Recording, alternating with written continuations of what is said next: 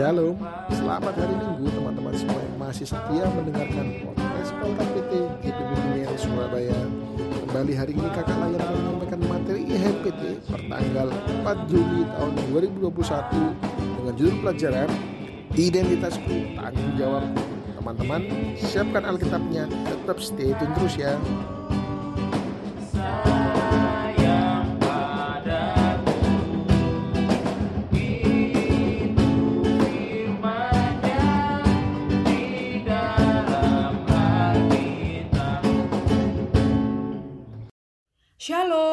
Selamat hari Minggu teman-temanku terkasih semuanya di mana pun teman-teman berada. Kita bertemu kembali. Puji Tuhan Yesus, kita sudah masuk dalam bulan yang ketujuh ini. Semua karena anugerah dan kasih Tuhan di dalam kehidupan kita. Hari ini kakak akan menyampaikan materi IHMPT tanggal 4 Juli 2021 dengan judul Identitasku Tanggung Jawabku. Sebelum kita membaca dan merenungkan firman Tuhan, mari teman-teman terkasih kita berdoa terlebih dahulu. Ya Tuhan, sumber hikmat dan kehidupan, kami bersyukur atas perlindungan-Mu yang kami alami di dalam seluruh kehidupan kami.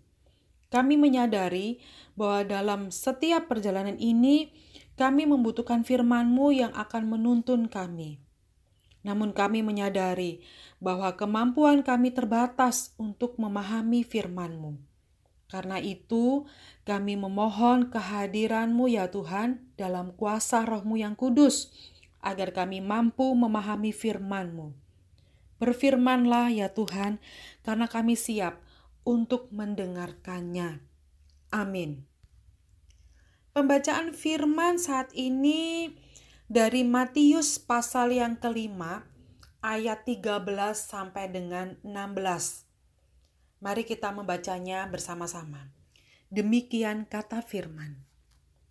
Garam dunia dan terang dunia. Kamu adalah garam dunia. Jika garam itu menjadi tawar, dengan apakah ia diasinkan? Tidak ada lagi gunanya selain dibuang dan diinjak orang. Kamu adalah terang dunia. Kota yang terletak di atas gunung tidak mungkin tersembunyi. Lagi pula, orang yang tidak menyalakan pelita lalu meletakkannya di bawah gantang, melainkan di atas kaki Dian, sehingga menerangi semua orang di dalam rumah itu.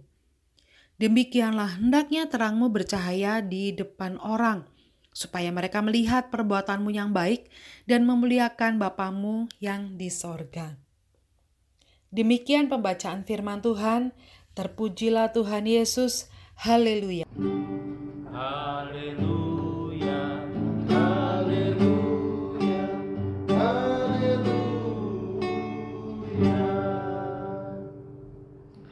Identitasku, tanggung jawabku. Mari kita renungkan teman-teman, apa yang Tuhan Yesus berikan pada kita saat ini. Kita dulunya adalah orang-orang yang berdosa, dan kini kita telah dimenangkan dan mendapatkan identitas baru di dalam Kristus Yesus. Kita tidak lagi menjadi pribadi yang lama, tetapi kita telah menjadi pribadi yang baru. Pribadi yang dapat memberikan teladan Yesus melalui kehidupan kita. Kita bisa baca di Yohanes 1 ayat 12. Tetapi semua orang yang menerimanya diberinya kuasa supaya menjadi anak-anak Allah, yaitu mereka yang percaya dalam namanya.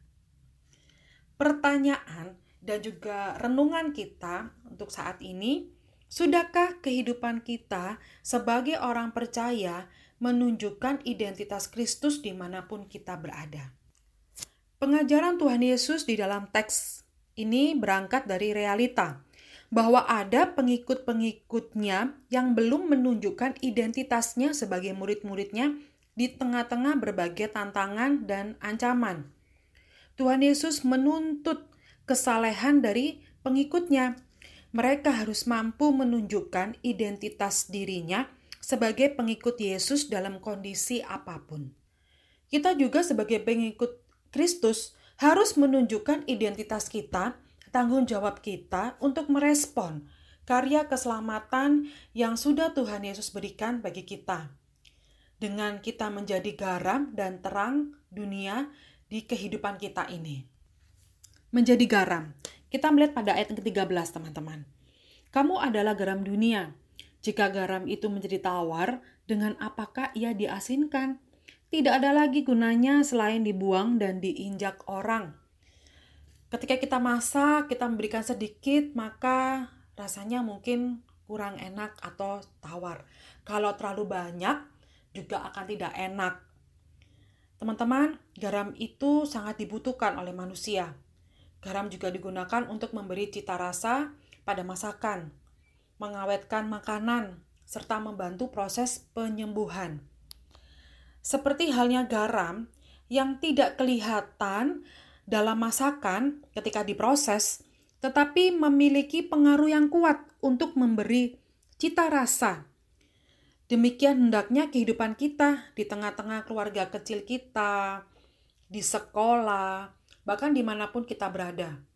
Meskipun sering tidak diperhatikan orang atau kurang diperhitungkan oleh siapa pun, hendaknya kita senantiasa memberikan pengaruh yang positif, bertutur kata yang positif, berpikir yang positif, sehingga kehidupan kita akan memberikan dampak yang positif bagi orang-orang di sekitar kita.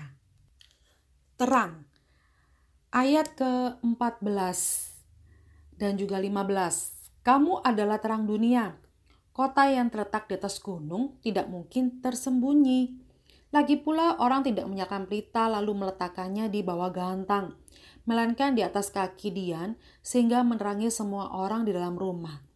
Demikian hendaklah terangmu bercahaya di depan orang supaya mereka melihat perbuatanmu yang baik dan memuliakan Bapamu yang di sorga. Teman-teman terkasih, kota yang terletak di atas gunung tidak mungkin tersembunyi. Mengapa? Karena ada cahaya-cahaya lampu kecil-kecil di malam hari, sehingga kita bisa melihat sinarnya dari kejauhan. Kalaupun kita naik pesawat terbang ketika malam hari, kita akan melihat juga di bawah penuh dengan lampu kecil-kecil yang bisa kita lihat, walaupun itu hanya kecil. Dan Tuhan bilang, jangan biarkan terangmu tersembunyi. Maka pancarkanlah. Pada ayat ke-15, lagi pula orang tidak menyalakan pelita lalu meletakkannya di bawah gantang, melainkan di atas kaki Dian, sehingga menerangi semua orang di dalam rumah itu. Walaupun pelita kita kecil, namun cahayanya yang terang tetap dibutuhkan di dunia yang gelap ini. Maka teruslah bersinar. Marilah kita terus bersinar. Marilah kita terus memberikan rasa dengan bersikap yang benar, yang baik, dengan bertutur kata yang benar, bertutur kata yang tulus, berpikiran positif, sehingga orang-orang di sekeliling kita pun akan merasakan kenyamanan, merasakan terang, merasakan garam yang ada dalam kehidupan kita. Dan orang-orang tersebut di sekeliling kita boleh melihat bahwa inilah anak-anak Tuhan Yesus.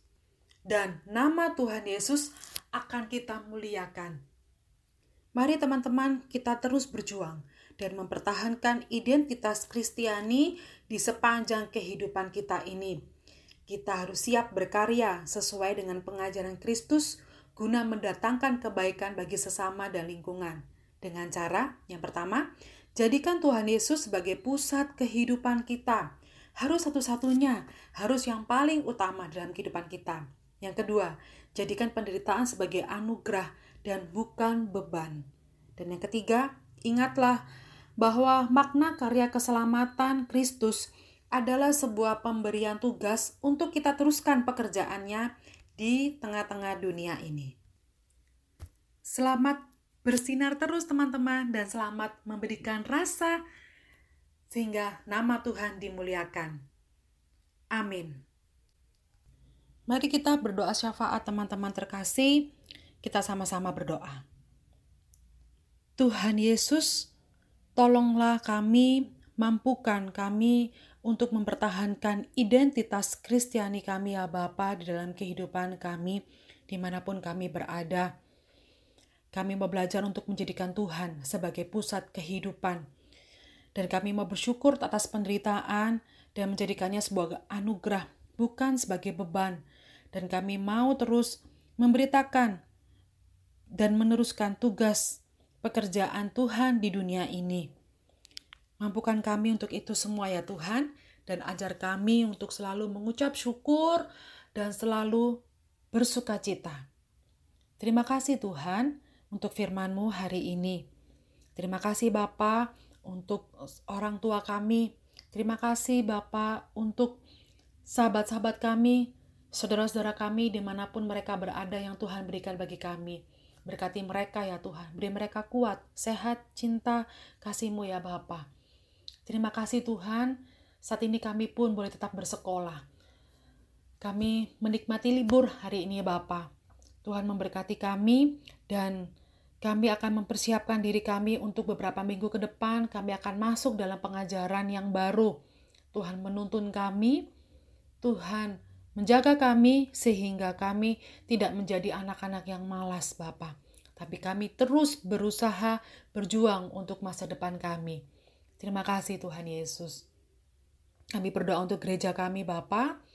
Engkau memberkati gereja kami GPIB Penial dan juga gereja-gerejamu di mana pun berada Bapak Biar kami terus mewartakan, memberitakan kabar kebaikanmu, memberitakan keselamatanmu ya Tuhan bagi umatmu ya Bapa. Terima kasih ya Tuhan Yesus. Tuhan kami juga berdoa bagi orang-orang yang saat ini dalam kelemahan tubuh mereka, sakit penyakit, bahkan mereka yang kena COVID. Tuhan Yesus, pulihkan, pulihkan pikiran mereka, pulihkan hati mereka, pulihkan tubuh mereka sehingga mereka boleh bertemu kembali dengan keluarga mereka yang terkasih Bapa dan kami boleh mengucap syukur atas kebaikan Tuhan. Tuhan memberkati makanan, minuman, bahkan obat-obatan. Tuhan memberkati para dokter, perawat, semua ya Bapak yang ambil bagian Bapak dalam garda terdepan Tuhan. Beri mereka kuat sehat, bahkan keluarga mereka yang di rumah ya Bapak. Terima kasih ya Tuhan, pulihkan bangsa kami, Pulihkan negara kami ya Bapa dan pakai terus kami Bapa sebagai anak-anakmu Bapa dalam masa dalam masa muda kami ini Tuhan sehingga kami terus berkarya sehingga kami terus mewartakan kabar kebaikan Tuhan bagi orang-orang yang membutuhkan. Terima kasih Tuhan Yesus. Ini doa kami Tuhan. Kami serahkan semua Bapa ke dalam tangan Tuhan yang sudah mengajarkan kami berdoa. Bapa kami yang di sorga, dikuduskanlah namamu. Datanglah kerajaanmu, jadilah kehendakmu di bumi seperti di sorga. Berikanlah kami pada hari ini makanan kami yang secukupnya, dan ampunilah kami akan kesalahan kami, seperti kami juga mengampuni orang yang bersalah kepada kami. Dan janganlah membawa kami ke dalam pencobaan, tetapi lepaskanlah kami daripada yang jahat karena engkaulah yang empunya kerajaan dan kuasa dan kemuliaan sampai selama-lamanya.